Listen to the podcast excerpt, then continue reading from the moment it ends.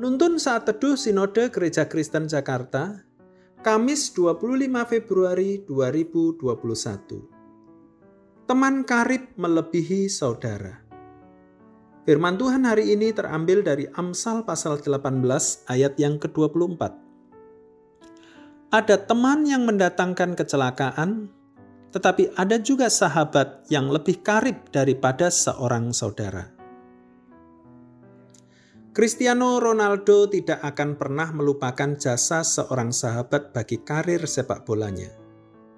Nama sahabatnya itu adalah Albert van Trau.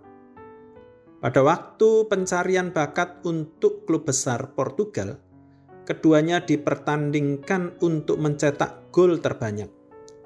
Namun dalam duel seru yang imbang itu, Frantau memilih untuk mengalah dan membiarkan gol terakhir menjadi milik Ronaldo. Jarang ada orang yang mau berkorban seperti itu untuk sahabatnya. Firman Tuhan mengingatkan kita tentang teman yang mendatangkan kecelakaan. Orang seperti ini adalah teman yang dapat menjerumuskan dan menghancurkan kehidupan kita. Kita harus berhati-hati, berteman dengan teman yang demikian. Selektif dan berhati-hatilah dalam memilih teman bergaul.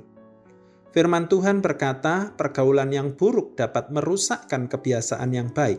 1 Korintus pasal 15 ayat 33.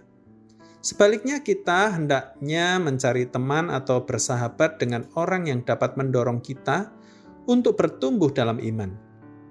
Orang-orang seperti ini adalah mereka yang melebihi saudara kandung sendiri mereka dengan setia dan bahkan merelakan banyak hal dalam hidupnya untuk kita. Pada saat yang sama, kita pun seharusnya bisa menjadi sahabat yang dapat menolong orang lain untuk bertumbuh dalam iman.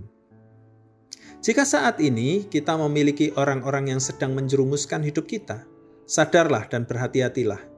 Sebelum menyesal, pikirkan sesuatu untuk memutuskan yang terbaik sebelum semuanya terlambat.